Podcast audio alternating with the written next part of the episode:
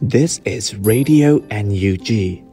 the voice of National Unity Government of Myanmar, broadcasting for Myanmar Spring Revolution. Radio NUG is transmitting from shortwave 16 meter 17.71 megahertz at 8 a.m. and 25 meter 11.965 megahertz at 8 p.m. Myanmar Standard Time. မင်္ဂလာပါခင်ဗျာအမျိုးသားညီညွတ်ရေးအစိုးရရဲ့အတန်လွင့်ဌာန Radio NUG ကိုမနက်၈နာရီမှလိုင်းတို16မီတာ17.7 MHz ညပိုင်း၈နာရီမှလိုင်းတို25မီတာ17.665 MHz တို့မှာဓာတ်ရိုက်ဖမ်းယူနားဆင်နိုင်ပါပြီ။မင်္ဂလာအပေါင်းနဲ့ပြည့်စုံကြပါစေ။အခုချိန်ကစပြီး Radio NUG အစီအစဉ်တွေကိုဓာတ်ရိုက်အတန်လွှင့်ပေးနေပါပြီ။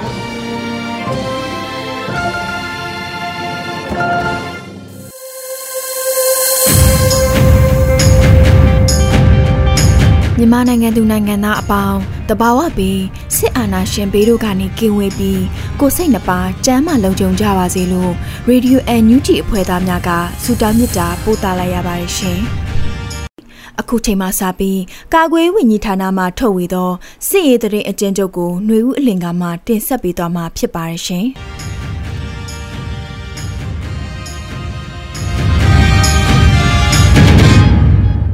ကာကွယ်ဝင်ကြီးဌာနအမျိုးသားညီညွတ်ရေးအစိုးရမှထုတ်ဝေတဲ့နိုင်စဉ်စီးရေးသတင်းချင်းချုပ်ကို တင်ဆက်ပေးတော့မှာဖြစ်ပါတယ်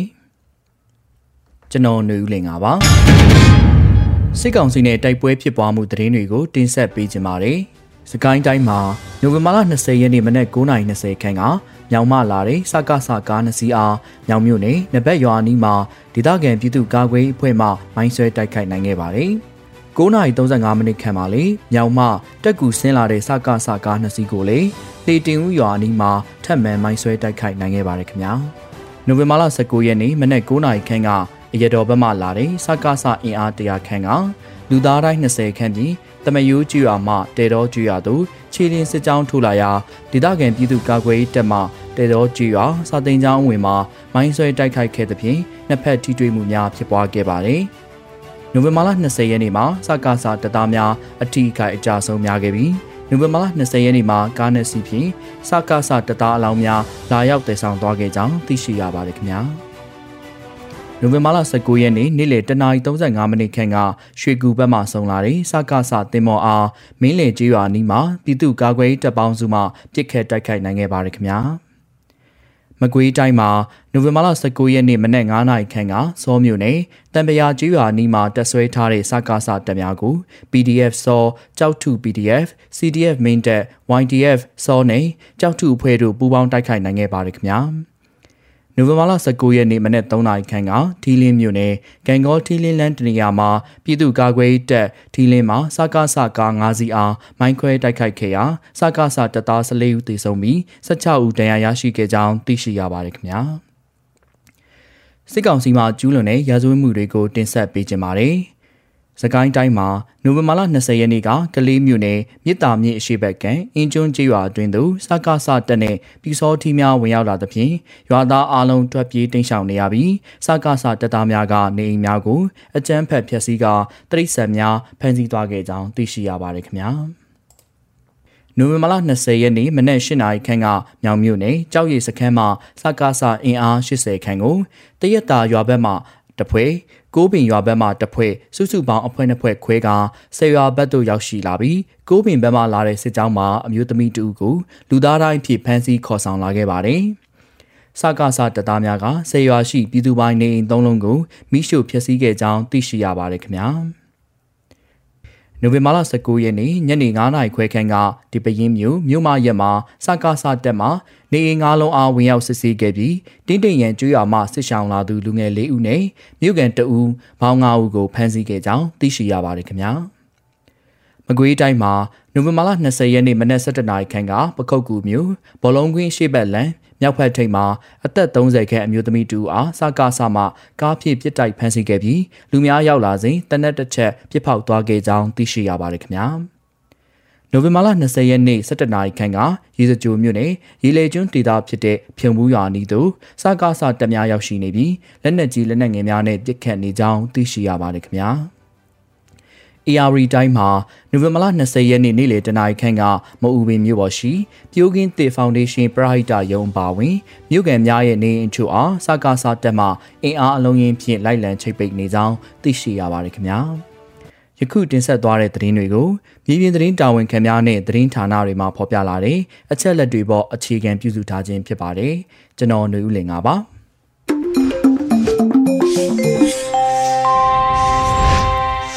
ရေဒီယို NUG မှာဆက်လက်အတန်းလွှင့်နေပါတယ်။အခုဆက်လက်ပြီးပြည်တွင်းသတင်းများကိုຫນွေဦးမှမှတင်ဆက်ပေးမှာပဲဖြစ်ပါတယ်ရှင်။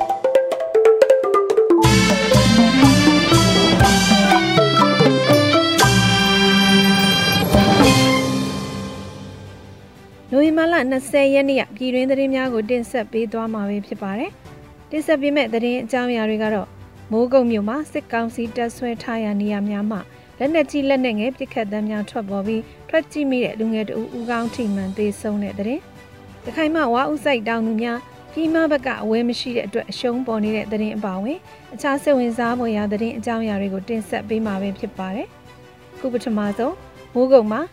စစ်ကောင်စီတပ်ဆွဲထားရာနေရာများမှာလက်နက်ကြီးလက်နက်ငယ်ပစ်ခတ်သံများထွက်ပေါ်ပြီးထွက်ကြည့်မိတဲ့လူငယ်တဦးဦးကောင်းထိမှန်သေးဆုံးတယ်ဆိုတဲ့သတင်းကိုတင်ဆက်ပေးပါမယ်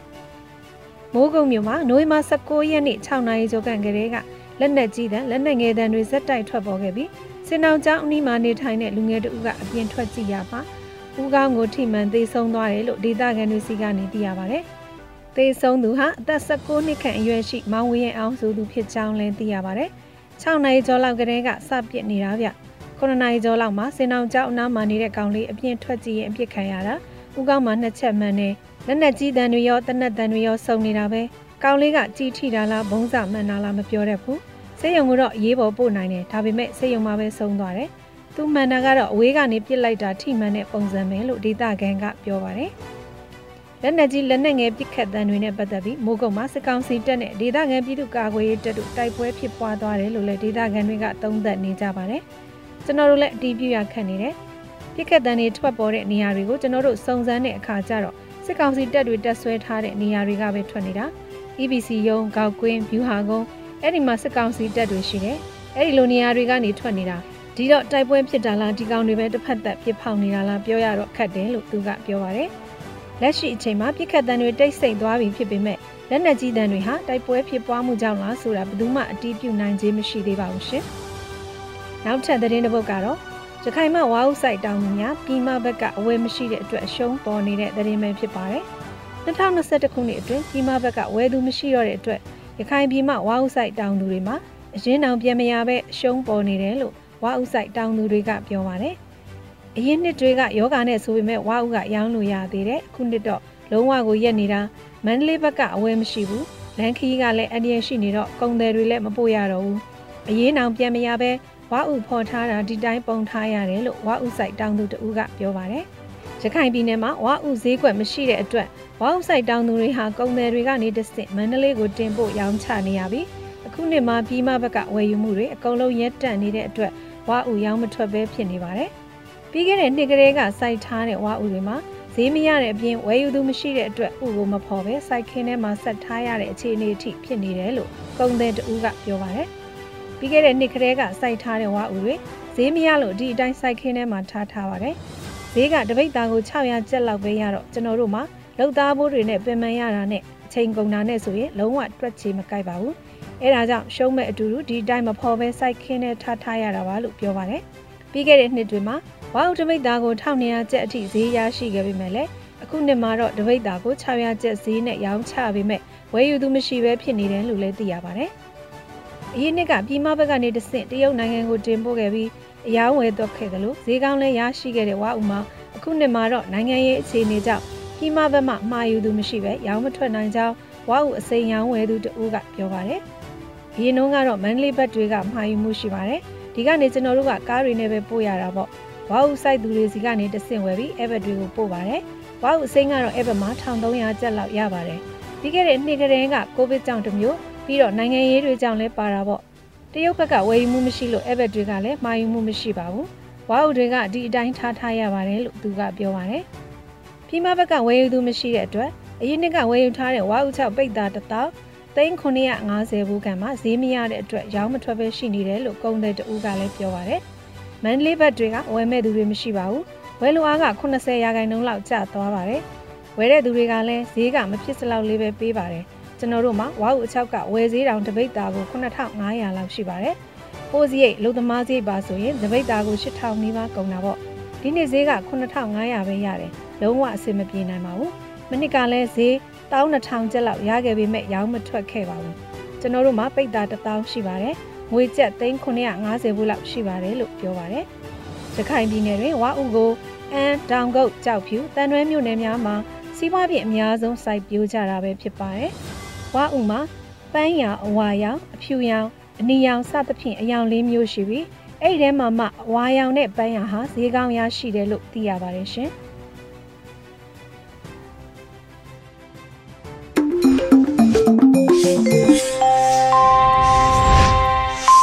Radio NUG မှာဆက်လက်အသံလွှင့်နေပါတယ်။အခုဆက်လက်ပြီးပြည်သူတိုက်ပွဲသတင်းများကိုຫນွေဦးလိပ်ပြမှာတင်ဆက်ပေးမှာဖြစ်ပါတယ်ရှင်။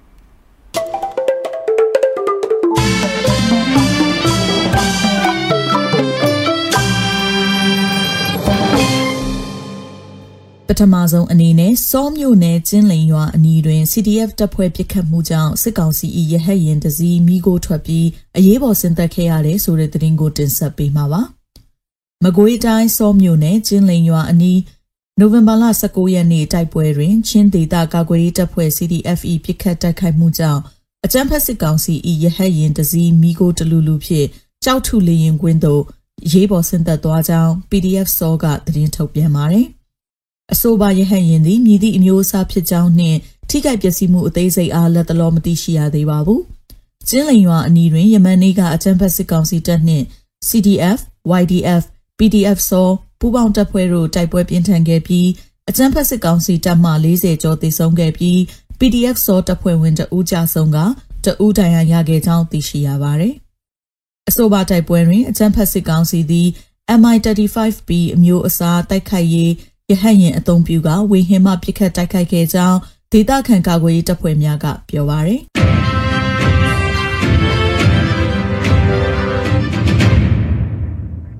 ဆက်လက်ပြီးမုံကိုတွင်စစ်ကောင်စီတပ်မှ69ဤလက်နက်ခဲယမ်းအများအပြားကိုကန့် MNDAA ကတင်ဆက်ရမိခဲ့တဲ့သတင်းတင်ဆက်ပေးမှာပါ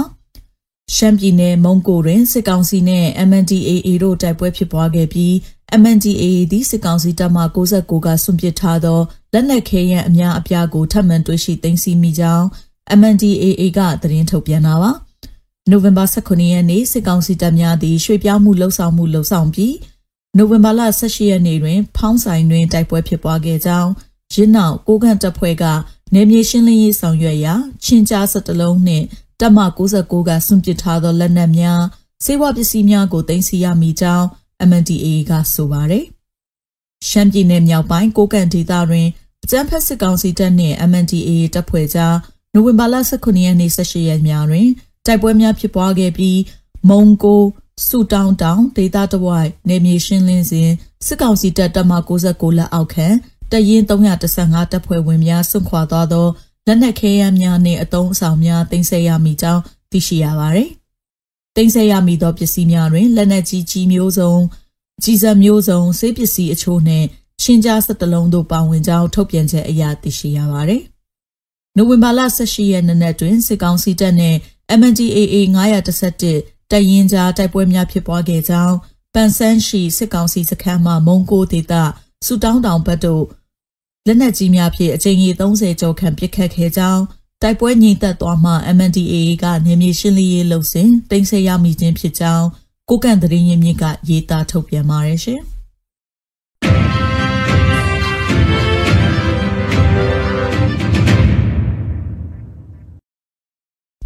ဆက်လက်ပြီးဖပွန်ခရိုင်တွင်စစ်ကောင်စီတပ် BGF ပူးပေါင်းတပ်နဲ့ KNL ကြားနှစ်ရက်အတွင်းတိုက်ပွဲ၃ချိန်ဖြင့်စစ်ကောင်စီဘက်မှ3ဦးသေဆုံး4ဦးဒဏ်ရာရတဲ့တည်င်းတင်ဆက်ပေးမှာပါ။ကရင်အမျိုးသားစီယုံ KNU တပ်မဟာ9နယ်မြေဖပွန်မူတရခရိုင်အတွင်းနိုဝင်ဘာလ18ရက်နေ့19ရက်များတွင်အကြမ်းဖက်စစ်ကောင်စီတပ်လက်ပါစီ BGF ပူးပေါင်းတပ်နဲ့ KNL ကြားရင်ဆိုင်တိုက်ပွဲ၃ကြိမ်ဖြစ်ပွားခဲ့ပြီးစစ်ကောင်စီဘက်မှ3ဦးသေဆုံး4ဦးဒဏ်ရာရကြောင်း မူတတော်သတင်းစာကထုတ်ပြန်ပါတယ်။နိုဝင်ဘာလ18ရက်နေ့နက်10:00နာရီတွင်ဘူးတုံမြို့နယ်ဘူးအားတဲကြီးရွာအုပ်စုမဲခါထာဒေသတွင်တစ်ကြိမ်ညနေ4:40မိနစ်တွင်တစ်ကြိမ်19ရက်နေ့နနက်9:00နာရီတွင်ဘူးတုံမြို့နယ်ခေါ်ပုတ်ဒေသတွင်တစ်ကြိမ်ရင်ဆိုင်တိုက်ပွဲများဖြစ်ပွားခဲ့ပြီးကရင်အမျိုးသားလွတ်မြောက်ရေးတပ်မတော် KNL ဘက်မှထိခိုက်ကြဆုံးမှုမရှိခဲ့ပါဘူး။ နိုဝင်ဘာလ19ရက်တွင်စစ်ကောင်စီ၏စကခ8လက်အောက်ခံခမာယာ409ဟော်မတော်စခန်းအခြေဆိုင်ရှိတပ်များသည်မာမူကျေးရွာအတွင်းသို့လက်နက်ကြီးများဖြင့်ပစ်ခတ်ခဲ့ကြောင်းလည်းမူတော်သတင်းစင်ထံမှသိရှိရပါသည်။အကြံဖက်စစ်ကောင်စီတပ်နှင့်လက်ပါစီ BGF များသည် KNU တပ်မဟာ9နယ်မြေအတွင်းတပ်စခန်းများဆောက်လုပ်နေခြင်းအပြစ်မဲ့ပြည်သူများအပေါ်လူအခွင့်အရေးထက်ခါတလဲကျူးလွန်နေကြောင်းနဲ့ KNL နှင့်နေ့စဉ်ထိတ်တိုက်ရင်ဆိုင်တိုက်ပွဲများဖြစ်ပွားနေကြောင်းမူတော်သတင်းစင်ကရေးသားဖော်ပြပါရယ်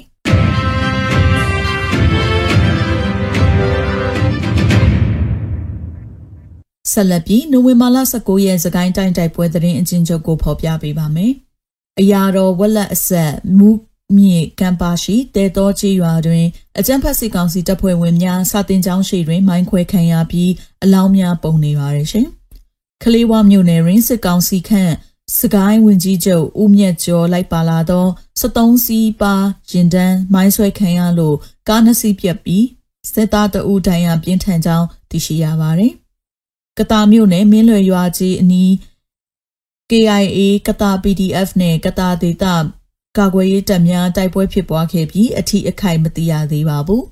။ထို့အတူရင်းမာပင် မြောက်ရမားတပ်နှင့်စစ်ကောင်စီရှေ့ပြေးချီလင်းတပ်တို့ထိတွေ့မှုဖြစ်ခါစကားစ3ရောက်သေးပြီးအပြစ်မဲ့ပြည်သူတို့ပြစ်တက်ခံရတယ်လို့သတင်းရရှိပါရရှင်။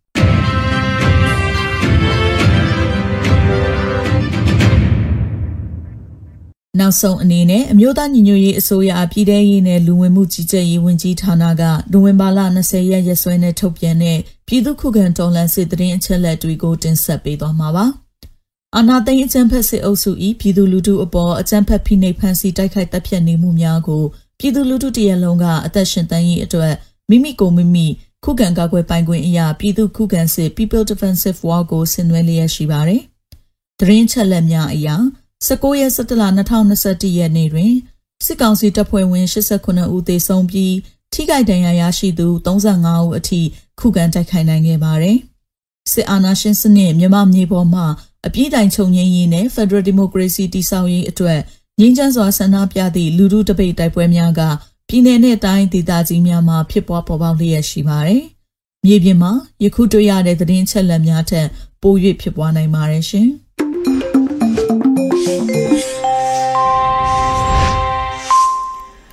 Radio NUG မှာဆက်လက်အတန်းလွှင့်နေပါတယ်။အခုဆက်လက်ပြီးနေ့စဉ်သတင်းတင်ဆက်မှုကိုမှတ်နှမ်းဖြုံမှတင်ဆက်ပေးမှာဖြစ်ပါတယ်ရှင်။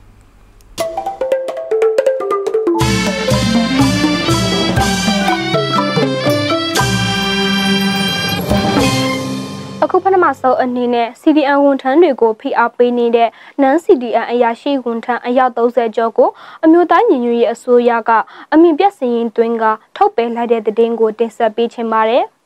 မတရားတဲ့အမိတ်အာဏာဟူသမျှစန့်ကျင်ရေးလှုပ်ရှားမှုနဲ့အတူအကြမ်းဖက်စစ်ကောင်စီကိုစန့်ကျင်ပြီး CDM ပြုလုပ်ခဲ့တဲ့ဝန်ထမ်းတွေအပေါ်ဖိအားပေးချိတ်ချောက်တာတရားစွဲဆိုတာတွေပြုလုပ်နေတဲ့နန် CDM အရာရှိဝန်ထမ်း32ဦးကိုအမျိုးသားညီညွတ်ရေးအစိုးရကအမြင့်ပြည့်စင်ရင်တွင်ပြီးရာထူးကထုတ်ပယ်လိုက်ပါတယ် အမျိုးသားညီညွတ်ရေးအစိုးရပြည်ထောင်စုဝန်ကြီးချုပ်မန်ဝင်းခိုင်တန်းအမိန့်နဲ့ပြည်ထောင်စုဝန်ကြီးချုပ်ရုပ်ကပို့ဆောင်ရေးနဲ့ဆက်သွယ်ရေးဝန်ကြီးဌာနရေကြောင်းပို့ဆောင်ရေးညွှန်ကြားရေးမှူးဦးစီးဌာနရဲ့အရာရှိဝန်ထမ်း32ဦးကိုနိုဝင်ဘာ19ရက်ရက်စွဲနဲ့အမြင့်ပြတ်စည်ရင်တွင်ပြီးရာထူးကနေထုတ်ပယ်လိုက်တာဖြစ်ပါတယ်ထုတ်ပယ်ခံရသူတွေထဲမှာခိတညွန်ကြားရေးမှူးချုပ်ဥကုကိုနိုင်နဲ့ဒုတိယညွန်ကြားရေးမှူးချုပ်ဥဟိတ်ထက်ဆိုတို့ပါဝင်ပြီးရန်ကုန်မန္တလေး။ ဤယာဝတီတနင်္သာရီတိုင်းရခိုင်မွန်စံကချင်စကိုင်းမကွေးပဲခူးအစရှိတဲ့ဒေသတွေကဒုတိယညွှန်ကြားရေးမှူးနဲ့လက်ထောက်ညွှန်ကြားရေးမှူးတွေလည်းပါဝင်တာတွေတွေ့ရပါတယ်။ခိတညွှန်ကြားရေးမှူးချုပ်ဒုတိယညွှန်ကြားရေးမှူးချုပ်ညွှန်ကြားရေးမှူး10ဦးဒုတိယညွှန်ကြားရေးမှူး12ဦးလက်ထောက်ညွှန်ကြားရေးမှူး10ဦးတို့ဖြစ်ပါတယ်။အဆိုပါပုဂ္ဂိုလ်တွေဟာ CDN ဝန်ထမ်းတွေကိုဖိအားပေးတာ ချိတ်ချောက်တာရာထုကထုတ်ပေးတာဝန်ထမ်းအဖြစ်ကထုတ်ပြတာတရားစွဲဆိုထားတဲ့ဥပဒေနဲ့အညီပြန်ဆက်ရန်မလိုတော့တဲ့လစာချင်းငွေတွေကိုအတင်းအဓမ္မပြန်လည်ပေးဆက်ခိုင်းခြင်းတာတွေလှုပ်ဆောင်ခဲ့ကြလို့အခုလိုအမြင့်ပြည့်စည်ရင်တွင်ရခြင်းဖြစ်တယ်လို့ထုတ်ပြန်ချက်ထဲမှာပါဝင်ပါတယ်။ အမျိုးသားညီညွတ်ရေးအစိုးရဝန်ကြီးချုပ်ရုပ်အနေနဲ့အော်တိုဘာလာကစပြီးအမိတ်အာဏာဖီဆန်ရေးစီတန်လှုပ်ရှားမှုမှာပါဝင်ခဲ့ကြတဲ့ဝန်ကြီးဌာနမဖွဲ့ရသေးတဲ့ဌာနအသီးသီးကနိုင်ငံဝန်ထမ်းသူရဲကောင်းတွေကိုလူမှုဖူလုံရေးလှုပ်ချုပ်ပြီးကင်းရေးနဲ့ဖိအားကင်းစင်ရေးတို့အတွက်အလေးထားဆောင်ရွက်နေတာဖြစ်ပါတယ်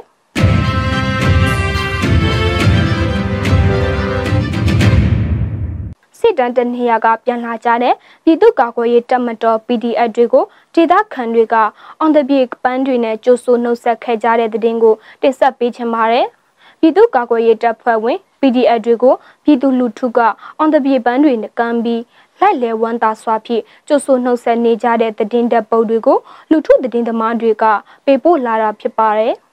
လုံခြုံရေးအရာနေရာဒေသကိုဖော်ပြထားတာမရှိပေမဲ့စစ်တမ်းတနေရာကနေပြန်လာကြတဲ့ပြည်သူ့ကာကွယ်ရေးတပ်ဖွဲ့ PDF ရဲဘော်တွေကိုပြည်သူတွေကကြိုးဆိုနေကြခြင်းဖြစ်တယ်လို့သိရပါတယ်။လက်ရှိအာဏာသိမ်းအကြမ်းဖက်စစ်ကောင်စီရဲ့ထိုးစစ်ကိုစကိုင်းမကွေးတိုင်းနဲ့ချင်းရှမ်းကယားကချင် ကရင်ပြည်နယ်အပါအဝင်တနိုင်ငံလုံးအနှံ့ခုခံတော်လှန်စစ်ဆင်နွှဲနေကြတာဖြစ်ပြီးအကြံဖတ်စစ်ကောင်စီတပ်သားများအကြအဆုံးများနေတယ်လို့သတင်းရရှိပါရယ်။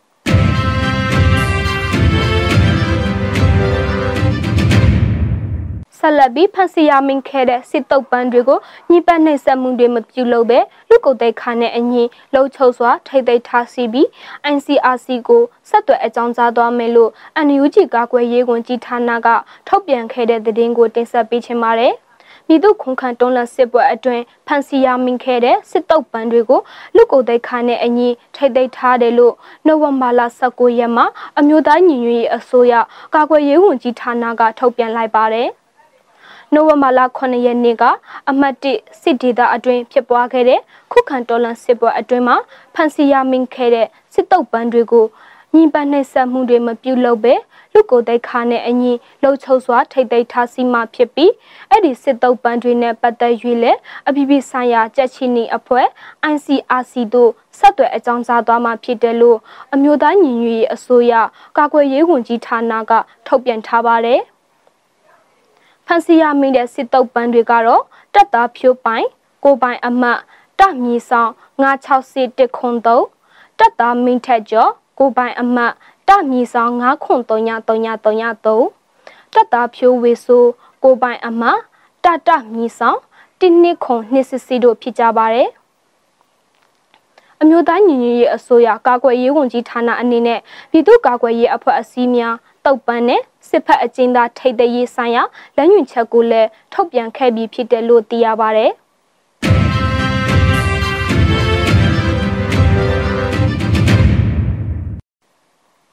ပြည်သူရင်ခွင်အဖွဲ့ကတန်းနဲ့ရဲတွေနဲ့တည်င်းတွေကိုဖော်ပြထားတဲ့ပြည်သူရင်ခွင်တည်င်းလွှာအတွက်တီအမှတ်၁ကိုစတင်မှိတ်ဆက်လိုက်တဲ့တည်င်းကိုတင်ဆက်ပေးချင်ပါတယ်။ အာဏာဖီဆန်ရေးလှုပ်ရှားမှု CDM ပြုလုပ်ထားတဲ့ပြည်သူစစ်သားတွေနဲ့ပြည်သူရဲတွေကိုကုညီထောက်ပံ့နေတဲ့ပြည်သူရင်ခွင်အဖွဲ့ကတက်နှက်ရဲတွေနဲ့တည်င်းတွေကိုဖော်ပြထားတဲ့ပြည်သူရင်ခွင်တည်င်းလွှာအတွက်တီအမှတ်၁ကိုမိတ်ဆက်လိုက်ပါတယ်အခမဲ့ဖြန့်ဝေတဲ့အဲ့ဒီသတင်းလွှာမှာနိုဝင်ဘာဒုတိယပတ်အတွင်းသတင်းတွေကိုစုစည်းဖော်ပြထားတာဖြစ်ပါတယ်။အဲ့ဒီသတင်းလွှာမှာတော့ဗတ်ပြောင်းလာတဲ့တပ်မတော်သားတွေဟာမြန်မာစစ်တပ်အုပ်ချုပ်ရေးအတွက်ကြီးစွာသော ထိုးနှက်ချက်ဖြစ်တဲ့ဆိုတဲ့ခေါင်းစီနဲ့ထွက်ပေါ်လာတဲ့အကြံဖတ်စစ်တပ်ကိုစွန့်ခွာခြင်းနဲ့ပတ်သက်တဲ့သူတည်တနာစာတမ်းအကြောင်းကိုထပ်သွင်းဖော်ပြထားပါတယ်။ဒါအပြင်စစ်သားတွေအနေနဲ့ငံပြက်လျက်အာနာယူမိသားစုကိုကာကွယ်ပေးနေမဲ့အစားစစ်အာဏာရှင်စနစ်ပြောက်ဆုံးတဲ့အထိတိုက်ထုတ်ဖို့ CDM ပြုလုပ်လာတဲ့တူတက်ချက်မင်းမင်းထိုက်ကတိုက်တွန်းတဲ့အကြောင်းကိုလည်းဖော်ပြထားပါတယ်။ ဗိတ်တနုနဲ့မြင့်ပြည်သူ့ကာကွယ်ရေးတပ်မတော်တို့တပ်မတော်သား15ဦးထပ်မံပူးပေါင်းလာတဲ့အကြောင်းစစ်မေပြင်ရှိအင်ဂျင်နီယာတပ်ရင်းမှတပ်သားတဦးကရင်အမျိုးသားကာကွယ်ရေးတပ်ဖွဲ့ KNDA တို့ပူးပေါင်းလာတဲ့သတင်းတွေကိုလည်းပြည်သူ့ရင်ခွင်သတင်းလွှာမှာပါရှိပါတယ်တပတ်အတွင်းမိသူရင်ခွင်းတို့ဆက်သွယ်မှုအခြေအနေနဲ့မိသူရင်ခွင်းသတင်းလွှာတို့ကဗျာဆောင်းပါးစားတဲ့စာမှုတွေပေးပို့နိုင်ကြောင်းအသိပေးချက်ကိုလည်းဖော်ပြထားပါတယ်။ ပြည်သူရင်ခွင်အဖွဲ့ဟာပြည်သူမှပြည်သူတို့ဝန်ဝါဒနဲ့ပြည်သူတွေနဲ့ဖွဲ့စည်းထားတဲ့လူလက်တဲ့အဖွဲ့တစ်ခုဖြစ်ပြီးတက်နဲ့ရဲ CDN တို့ရဲ့လှုပ်ချုပ်ရေးနေထိုင်စားတောက်ရေးကျန်းမာရေးပညာရေးတို့အတွက်တက်နိုင်တဲ့နီလန်နဲ့အဘက်ဘက်ကထောက်ကူနေတဲ့အဖွဲ့ဖြစ်ပါတယ်။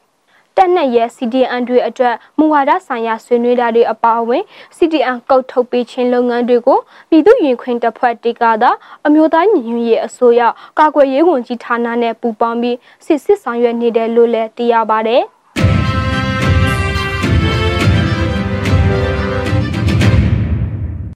အကြံဖတ်စစ်ကောင်စီလက်ပါစီများကပြည်သူ့ကာကွယ်ရေးတပ်ဖွဲ့ရန်ကုန်ဆိုတဲ့နာမည်နဲ့ထုတ်ပြန်ချက်အထူးတဆောင်ဖြန့်ပြူနေတဲ့သတင်းကိုဆက်လက်တင်ဆက်ပေးချင်ပါတယ်။အကြံဖတ်စစ်အုပ်စုအပေးထောက်ခံသူတွေဟာပြည်သူ့ကာကွယ်ရေးတပ်ဖွဲ့ရန်ကုန်ဆိုတဲ့နာမည်နဲ့ထုတ်ပြန်ချက်အထူးတစ်ခုကိုနိုဝင်ဘာလ19ရက်နေ့ညပိုင်းက Telegram Channel တွေနဲ့ Facebook Group တွေမှာလိုက်လံဖြန့်ဝေနေတာကို PVTV အချက်အလက်စစ်ဆေးရေးအဖွဲ့ကတွေ့ရှိခဲ့ပါတယ်။ အဲ့ဒီထုတ်ပြန်ချက်အတူထဲမှာရေးသားထားတဲ့အကြောင်းအရာတွေကအကြံဖတ်စစ်အုပ်စုကဖန်ဆီးတာခံခဲ့ရတဲ့လွတ်တော်ကိုယ်စားလှယ်ဦးဖြိုးဆရာတော်နဲ့ပတ်သက်ပြီးလှုပ်ကြံသတင်းတွေကိုဖော်ပြထားတာဖြစ်ပါတယ်။ အဲ့ဒီထဲမှာဆိုရင်ရန်ကုန် PDF အနေနဲ့စစ်ကြောမြင်းမြန်ခံရချက်ဥဖြိုးဆရာတော်အနေနဲ့လက်အောက်ငယ်သားများရဲ့အချက်အလက်ကိုဖော်မြည်ဟုတန်တရားစီနေကြောင်းနဲ့ဖန်ဆီးခံရချိန်မှာလက်နက်အသင်စီနေပါလဲပြန်လက်ခုခံခြင်းမပြုဘဲအသားတကြီးအဖမ်းခံသွားခြင်းအပေါ်ပြစ်တင်ဆုတ်ချတယ်လို့ရေးသားဖြန့်ဖြူထားတာဖြစ်ပါတယ် အချက်အလက်စစ်ဆေးချက်အရအဲ့ဒီထုတ်ပြန်ချက်ဟာအတူဖြစ်ပြီးတော့အရင်ကလည်းကြဆုံ PDF တွေရဲ့စနီးမယားတွေကိုမက်ဖောက်ပေးမယ်ဆိုတာမျိုးတွေနဲ့ဒေါ်အောင်ဆန်းစုကြည်ရဲ့စနေတွေကိုအပြင်းအထက်တတိပေးတဲ့ဆိုတာမျိုးထုတ်ပြန်ချက်အတူတွေကိုလည်းပြည်သူ့ကာကွယ်ရေးတပ်ဖွဲ့ရန်ကုန်ဆိုတဲ့နာမည်နဲ့ထုတ်ပြန်ခဲ့ပူပါတယ်။ PVTV ကအမျိုးသားညီညွတ်ရေးအစိုးရကာကွယ်ရေးဝန်ကြီးဌာနတာဝန်စီသူတွေနဲ့မြေပြင်လှုပ်ရှားမှုတွေဆောင်ရွက်နေကြသူတွေကိုဆက်သွယ်မေးမြန်းတဲ့အခါ PDF ရန်ကုန်ဆိုတဲ့အဖွဲ့ဟာမြေပြင်မှာလောဝမစီတဲ့အကြောင်းကို ဖြေကြားခဲ့ကြပါတယ်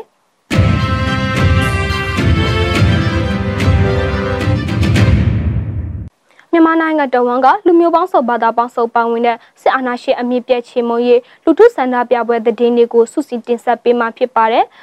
စကိုင်းတိုင်းမုံရွာအမိလမ်းဘေးကျေးရွာတွေကတော်လန်ပြည်သူတွေစုပေါင်းပြီးစစ်ကြုံမခံဘူးညီးဆန်အမျိုးသားနဲ့အတိတ်ထန်ဆိုတဲ့ခေါင်းစည်းစာတမ်းနဲ့အတူမင်းတုတ်တွေကင်ဆောင်ပြီးစစ်အာဏာရှင်အမြင့်ပြည့်ချေမွန်ရေးချစ်တဲ့ဆန္ဒပြခဲ့ကြပါတယ်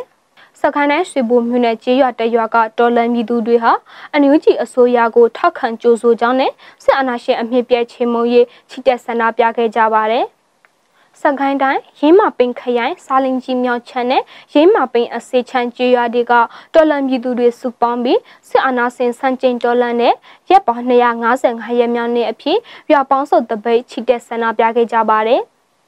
စခိုင်းတိုင်းကလေးမျိုးပင်မတပိတ်စစ်ကြောင်းကတော်လန်ပြည်သူတွေဟာစစ်တပ်ရဲ့ပြစ်ခတ်မှုကြောင့်အသက်ဆုံးပါသွားရတဲ့ချင်းသူရဲကောင်တအုပ်ဖြစ်တဲ့ဗျက်ရန်ချင်းထံပွေးရနဲ့ရမောရတို့ကိုဝမ်းနဲ့ချင်းအထိတ်အမှတ်နေနဲ့ စီမင်းထုံဆူတောင်းချင်းနဲ့အတူချီတက်ဆန္ဒပြခဲ့ကြပါတယ်။မကွေတိုင်းမင်းဘူးမြို့နယ်အေယာဝတီကမ်းနာအမတ်နေရက်ကွယ်တောင်ဆေးမှာမင်းဘူးစကူမြို့နယ်ចောင်းသားများတမကနဲ့မင်းဘူးစကူမြို့နယ်အခြေခံပညာចောင်းသားများတမကတို့ပူးပေါင်းပြီးစစ်အာဏာရှင်အမြင့်ပြည့်ချေမုံရေးချီတက်ဆန္ဒပြခဲ့ကြပါတယ်။ ကချင်ပြည်နယ်ဖာကံမြို့ကတိုင်းသားလူမျိုးပေါင်းစုံတပိတ်စစ်ကြောင်းကတော်လန်ပြည်သူတွေဟာမင်းအွန်လိုင်းဦးဆောင်တဲ့စစ်ကောင်စီဖြုတ်ချရေးချီတက်တပိတ်မောင်းခဲ့ကြပါတယ်